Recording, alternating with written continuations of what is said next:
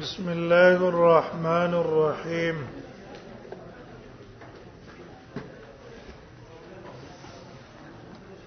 باب ما من تحل له الزکات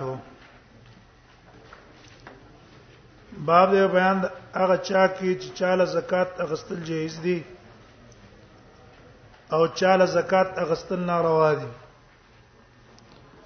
بیان کوي د مصارف او د زکات اغستلو د زکات چاره جایز ده کنه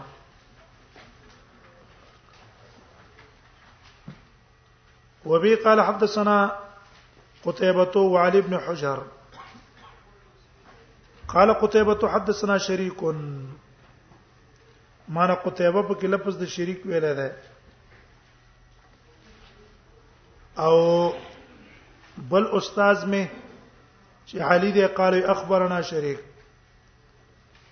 امام ترمذی قائل دی ده ده چې اخبرنا او حدثنا فرق باندې قائل دی کنه دیو جنا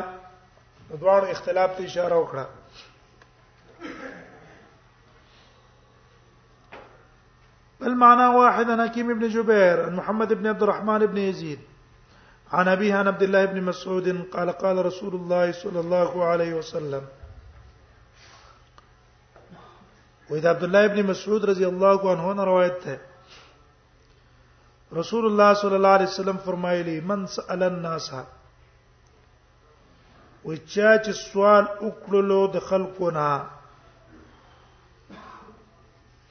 او له ما یغنی او د د پاره ما دون شی یغنی چې دا به پروا کوي د سوال نه د سدونه خرچه شته ده سوال ته ضرورت ناراضي ادا بهم د نور خلکو نشینه غواړي جاء يوم القيامه را بشي دا سړی په ورځ د قیامت ومسالته في وجهه او د د مسأله چې دا په وجه د په مخ کې به سوال به د په مخ کې خموش او خدوش خموش هم کر خبر خطا وي او خدوش او کدوح جا وې دا سوال براشي جا دا سړی براشي په اوس د قیامت او دا سوال به په مخ د کی خاموش یا کدوح او دلته یاد شک ته دراوینا اي رسول الله صلی الله علیه وسلم لپس د خدوش ویلې ک خاموش ویلې ک کدوح ویلې ځکه د دې ټول یو معنا ده هغه نه خو ته ویل کیږي د انسان په مخ باندې ښکار کیږي ښه سړی مخ زخمی شي او پاګه کمی کرخه مرخه راشي نو دا شک دی هغه باندې بنا ده او مقصد یې څه شول په دې ټولو کې یو معنا ده وای هغه منبت آثار د انسان په مخ کې چې دا هغه په وجه باندې انسان سره پیجنې چیرې دا سوال کړی خلکو کې مشهوري قیامت پر ورځ دویم احتمال دا دی چې دا او دا د پاره د تقسیم ده او اشاره د څه ته منازل السائل سوالګر بعضی سوالګر ډیر سوالګری بعضی گزارې والا سوالګری بعضی سوالګر لګ دی بل ډیر دی بل مفرد ته نو دقه سی ویاله چې لک سوالګر دی نو داغه په مخ کې بچي خاموش پي چې لګ داغه نډیر دی داغه د پاره به خودوشي او چې داغه نه خډیر سوالګر دی داغه د پاره به کدوحي دغه سوالګرو کې تفاوتی کنا بای سوالګر د سي دار چانه نه غواړي هر شي نه غواړي اجدای منځ کې درمیانه بعضې د سوالګری د ارچانه غواړي ارشه غواړي اصل سائل چاته وي اصل سائل هر شی غواړي هر وخت غواړي هر چا نه غواړي دې ته نه ګوري چې دا وخت د سوال نه ده را بشي ته پیسې راکه نه بزید نه که ته ما نه زی ویجه ترڅو پرې د ناغست نه چې پیښو چې راځه د دنه پیسې نشته ده نو د څه کم شی د پلان کې شي خوراکه ابدا نه غواړي کنور څه نه سوار خو بنسواری نه غواړي کنه هغه سوار خو راکا وزدي نسوارانو په معاشره کې دا نسوار سوال نه دی اسنه غني سوال نه غني نو باز دې سوال غري نو دا مراتب دي د سائل نو د دیو جنا دا مرتبه او خو درې چا د پاره بغي د چا د پاره بدای او د چا د پاره با دا بل شي جا یوم القیامت خدوش او قدوش نو او د پاره د تقسیم شو یا بغي یا بدای قیامت پر ورځ باندې برش ما دا سرات به بکیش قیل یا رسول الله ویل چې د الله پیغمبر و ما یغنیه کم یو شی دی چې سړی پاغي باندې غنی کیږي چې دونه سړی سری دا غنی دی او د دینه بره چې سوال کوي بس دا سوال به سبب دی پاره د د مخ خرابولو قال وی فرمایل 50 درهما او قیمتها من الذهب 50 درهما او قیمتها یا قیمت مساوی د دې درهم او من الذهب د سرو زرو سره دون سره زرو سره چې د چا سره مساوی 50 درهم سره مساوی دون سره سره دون پیسې سره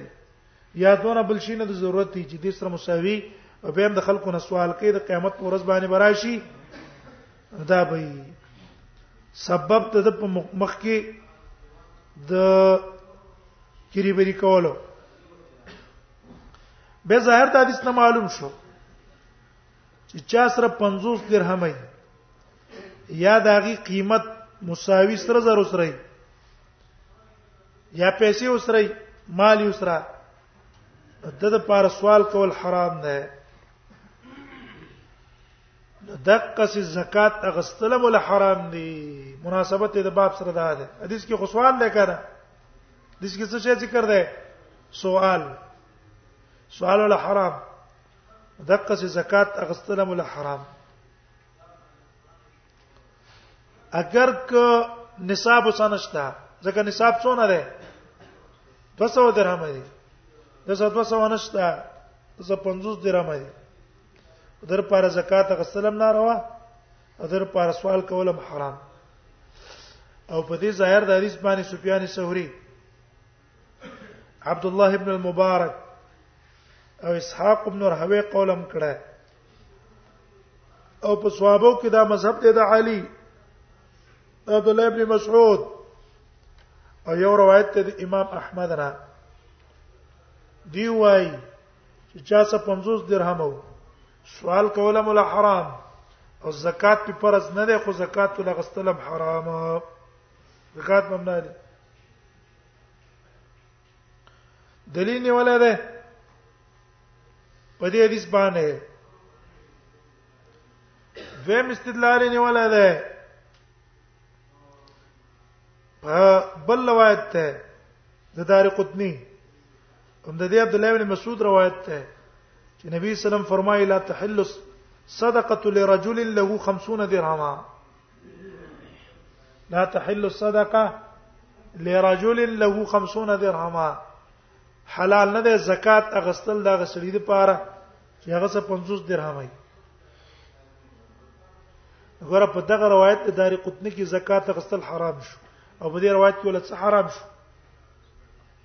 حدیث د باب کې زکات د سوال کول حرام شو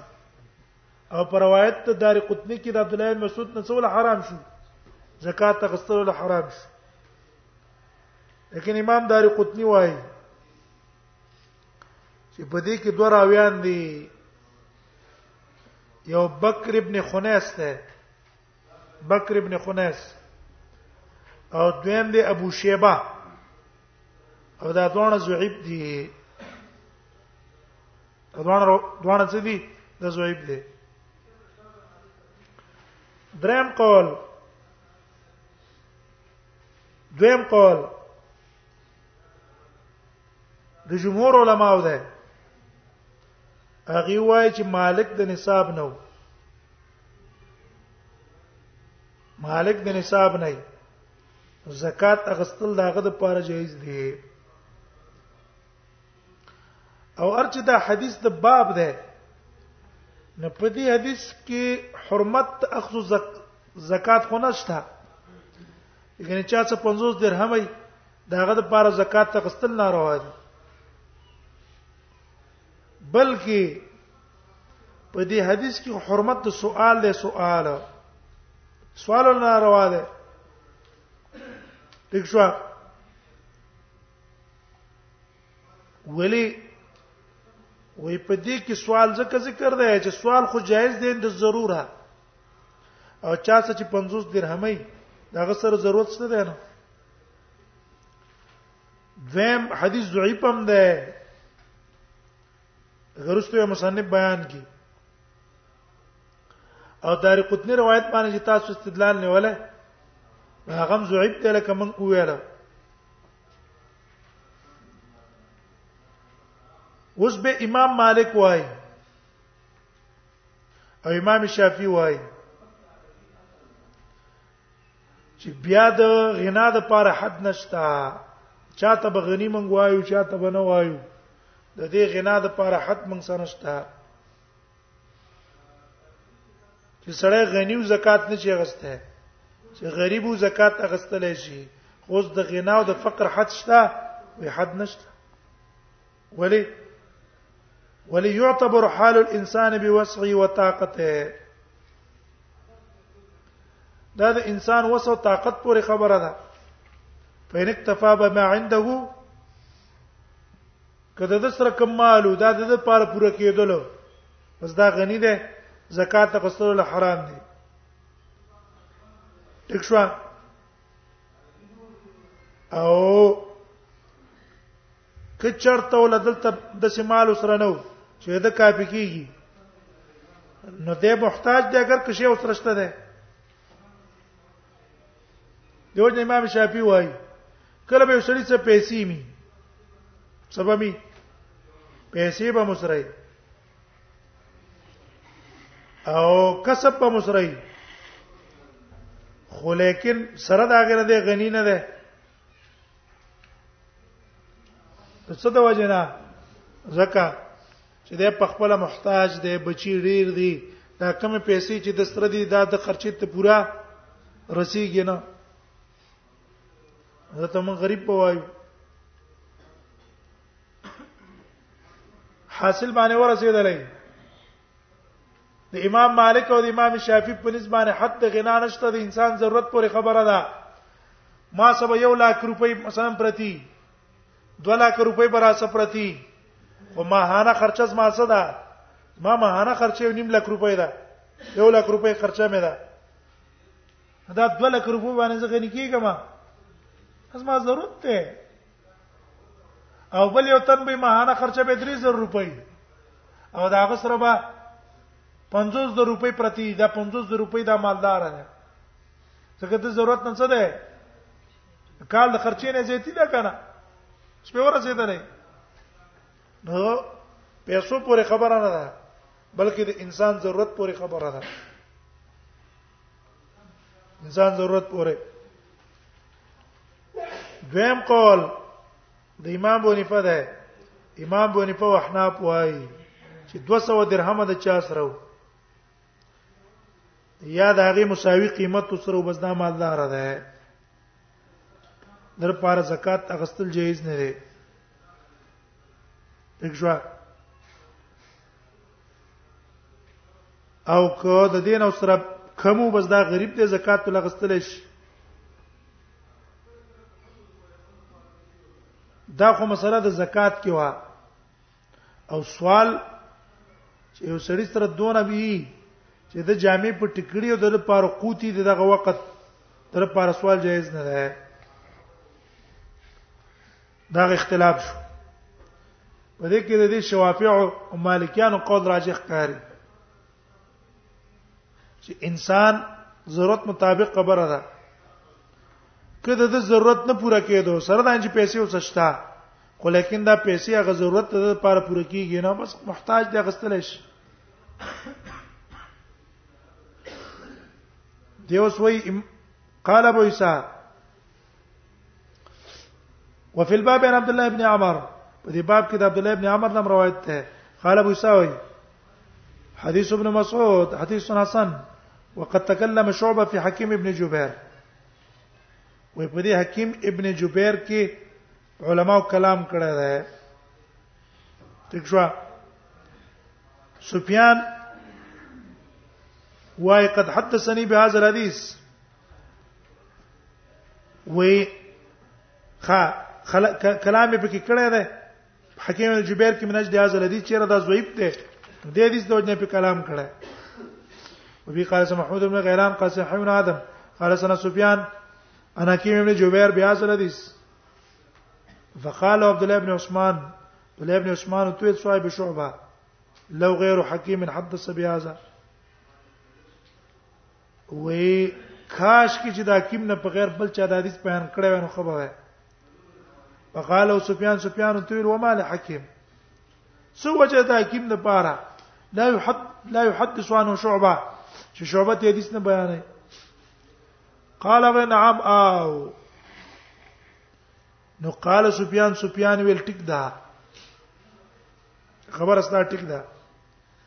خو سمعت زبید یحدث بهذا د حکیم نه په غیر بل چا ماته دا څه کړی دی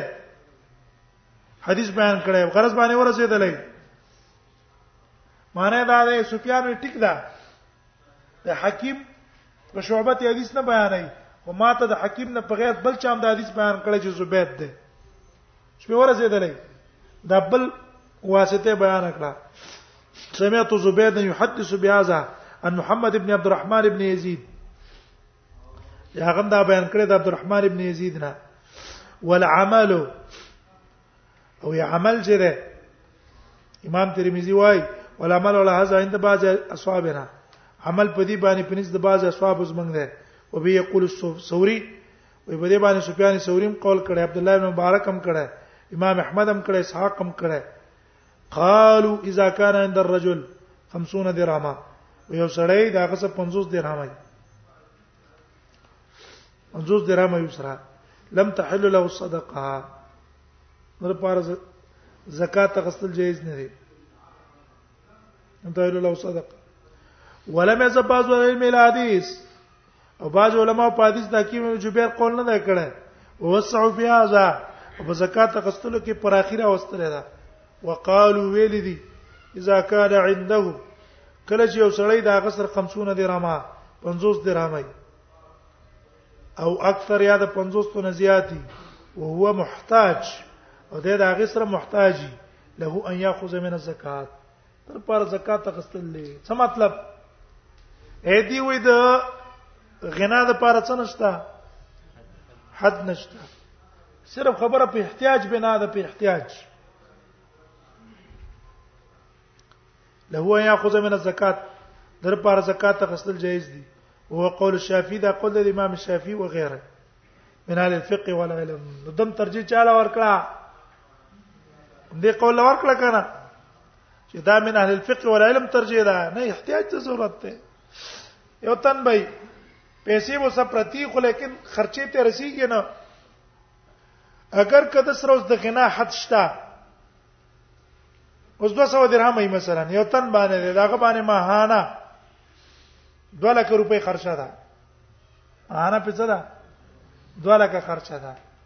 او 50 درهم د سره څو دي دا 50 درهم نه 200 درهم 50 زره روپۍ دي او 50 زره اوس نقد پرتی دي او خرچه یې څو ده دوه لکه ده دا اوس د زکات وخت کول کې جایز نه دي ولې ولر نه دي دا خو محتاج دی نیم لک روپۍ په زیاتی خرچه ده په د باندې دیو جن ودا قول صحیح دی من الفقه ولا علم باو من جاء من لا تحل له صدقه چاله زکات اغستل جایز نه دی او چاله اغستل جایز دی همدغه د دې باب سره همدغه متعلق مسله هم ده وبقاسنا محمد ابن بشار قال حدثنا ابو داود الطيالسي قال حدثنا سفيان حدثنا محمود بن غيلان قال حدثنا عبد الرزاق قال حدثنا سفيان سعد بن ابراهيم عن ريحان بن يزيد عن عبد الله بن عمرو عن النبي صلى الله عليه وسلم قال لا تحل الصدقه لغني ولا لذي مره سفي حلال نه ده زکات غسل د پاره د غني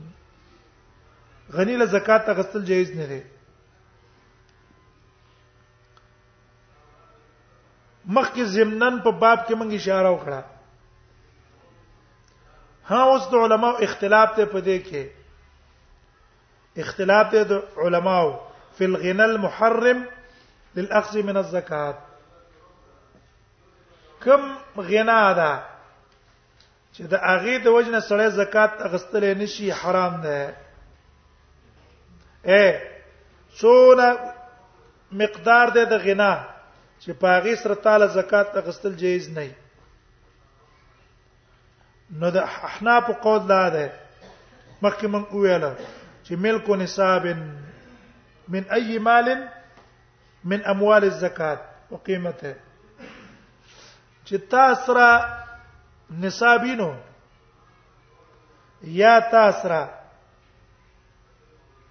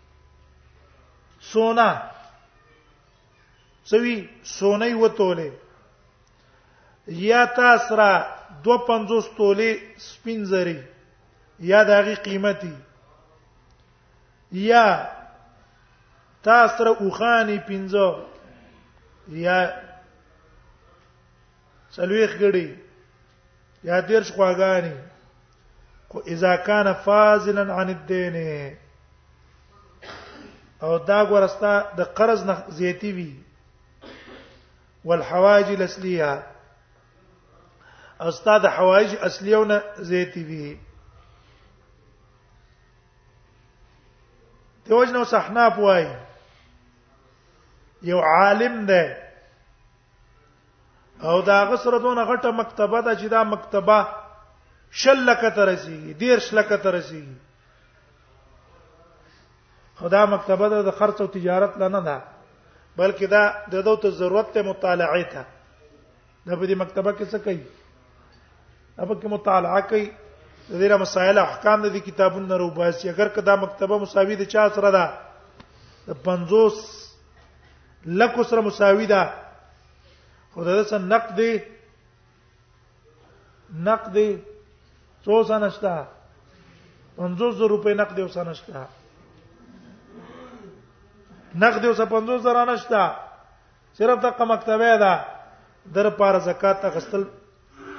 جایز دي ولی وجدا د چې دا پیسې د د 50 لکه مکتبه چې کومه ده دا خو د حاجت ته کنه حاجت اصلي دی ده کنه دیو نه دې ته اعتبار نشته ټیک شو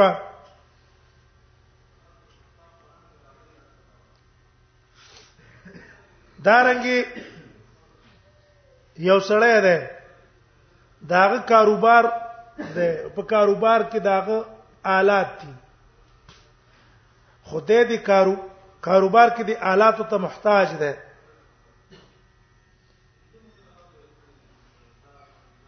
اگر که د آلات د حرفت ته دو دا د لکاو سره مساوي دی یو ترکان دی ترکان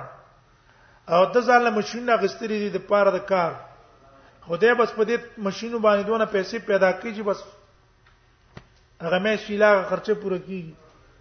او د دې د خرچ ضرورت نه زیاتی د څونه پیسې نشته دا حاجتنا اسینه زیتی د سره 50 زره نشتا نو تر پارم زکات اغستل جایز دی او زکات په فرض نه ده چې به ورسېدلې الحواجی لسته باندې ورسېدلې حواجی حواجی اصلي کې څه دي د عالم د پاره کتابونه دي حواجی اصلي دغه حرفت والا د پاره دغه هغه آلات دي هغه آلات دي یو موټر تا غستره ده او د کار کسب د پاره دی غسته په 15 لک دی غسته خدا موټر ستا ذریعہ ده د صد آمدن اله دونه پیدا کی چې ته ما خام له ما خام له خوري او زیتی تاسو نشته دینه زیتی تار زکات غستله جایز دی اگر کدا موټر ستا د 16 کو ده د 15 لک کو ده د 10 لک کو ده د 10 لک کو ده خو حاجت اصلي نه ستا کړه فارغ د حاجت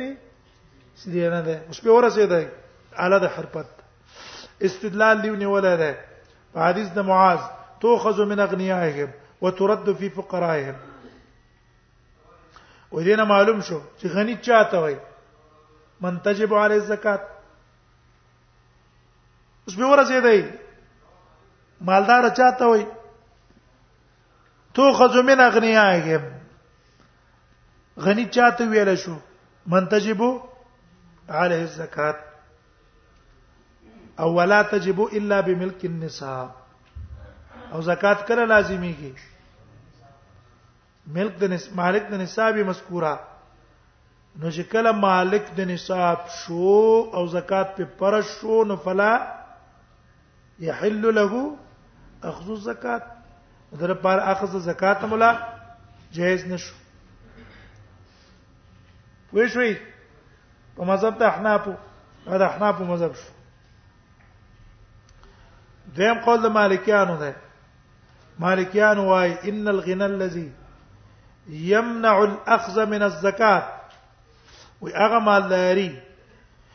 چې زکات اغستلو سره حرامي هغه کم یو ده ملک الشخص ما یکفیږي ملک الشخص ما یکفیږي هو یو سړی سره دونه شی وی چې د د کاپی کیږي او ومن تلزمه نفقته عامه او د هغه چا نه فقط یو کال پورې د څه رسیږي ټیک شو یا او اکتساب ما یکفی کی قوا یا دون کسب سشتا چې هغه د د کافی کیږي او د د نفقه د بچو نفقه په کې کافی کیږي ټیک شو نو کدا او زکات غسل لنا روا دي تکشوا او کدون نو نو بیا زکات غسل له جایز دی سوره سره ده فيجوز دفعها لمالك نصاب فاكثر لا يكفيه عاما ما سره اوس پیسې شته یو لاک روپۍ په الحال لا سه یو لاک روپۍ دي خو زما ماهانه خرچه 15000 روپۍ ده وکاله پورې دا زما پوره کیږي یو لک روپۍ زما نه پوره کیږي اته میاشتې زما نه پوره کیږي او نور زما د څه آمدن هم نشته د څه غټه آمدن مې د دې سره نشته د چې زما څه کیږي هغه ماهانه خرچه ما سره راځي الته ما سره پوره کیږي نو دا یو لاک روپۍ کما سره وي نو زم په دې ماندار نه حسابې کما مال زکات تخستل جایز دي ترڅو پورې چې دونه پیسې نه وي چې زما د ټول کال خرچه مساوي کیږي اوس په ورسې کې ونه رسیدل وی شو په الا به مال زکات تخستل حرامي چې ما څه وی دونه پیسې ما سره چې زما د ټول کال خرچه کافي شي دا د مالکیانو مذهب ده او شوافع وايي چې هغه غنا چې دا هغه څه زکات اغستل حرام ده ملک ما يكفيه ومن تلزمه نفقه العمر الغالب سپي ورځې ده امام مالک په کې څونه وایي یو کال او امام شافعي وایي عمر غالب چې غالب تقریبا 15 کال څلور کال شپږ کال به دا سړی غالبا ژوند دی ټیک شو خو ما سره وسیله دونه پیسې دي نور مدن مې دي سره نشتا او بس هم دا که پیسې نقد راځه پر پرتی دی او دینه په خرمه نو غالب ترڅو پوری کی بس مال زکات اغستل جایز دي عمر غالب باندې ورسېدای ونه رسېدای امام مالک یو کال پورې وای او امام شافعي اوس څه وای اغلبیت وای د فرق شو نو وېد د پاره لا تحل الصدقه لغني ودا به غنی نه ده چې کله د ضرورت نه زیاتی پیسې نه چې ارڅونه پوري او امام احمد وای دو روایتونه تنقل لري یو قول خو مخ کې تیر شو من ملکه 50 درهمه او قیمتها فی الذهب او وجود ما تحصل به الكفايه على الدوام من کسب او عقار کسب اشتا ازمک اشتا یا تجارت اشتا دا د سفیان ثوری د ابراهیم نخعی او عبد الله ابن مبارک او د اسحاق قول هم ده دویم قول دا غنه نقل له چې غنا حاصلېږي ما تحصل به الکفایه استاد لپاره په کوم شي کې پایت حاصلېږي نو کله چې د محتاج نو او دونه دغه چې د کفایت پکېږي نو زکات په حرام ده وان لم يملك شيئا او ان کان محتاجا حلت له وان ملک نصابا او کده دا غسر محتاج اگر که نصاب وسشتا به مول زکات غسل حلال دی دیو چې وای حاصل لا شو د مالکیانو او د شوافیعو او د دې دویم قول د امام احمد مطابق نصاب ضروری نه دی بلکې څه شی ضرورت دی حاجت د غنا د پاره نصاب نشدا حاجت ته دلیل الحدیث د قبیصه ده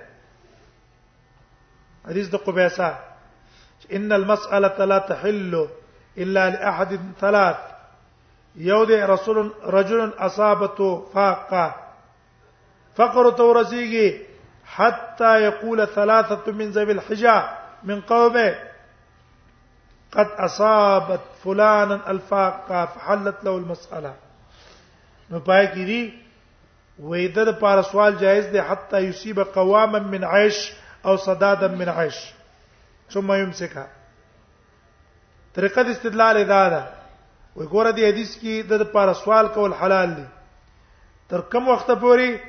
تر دې چې د اورسیږي هغه هغه شته چې د فاقه په ختميږي ټیک شو نو بیا زکات ناروا ده نو اوس د دې عموم د وجنه یو سړی سره دونه پیسې شته چې هغه وسانه شته د د پوره ضرورت د کاله پورې نه پوره کیږي یا غ نفقې چې د باندې غالبا د عمر په نفقه لازمی هغه ته نه رسیږي نو بس دا محتاج ده کنه قوامه من عشت لانه رسیدله زکات ولا زکات اغستلو لجیش نو لا تحل لغنی ولا لذي مره سبي او نه د خاوند د قوت د پاره مره ویل کی څه ته القوه السوي چې صحيح الاعضاء اندامونه برابر دي دا هغه د پارم زکات غسل جایز نه دي وفي الباب عن ابي هريره وحبش بن جناده وقبيس بن المخارق انا حديث نور مواوي بلان د پکشته خبره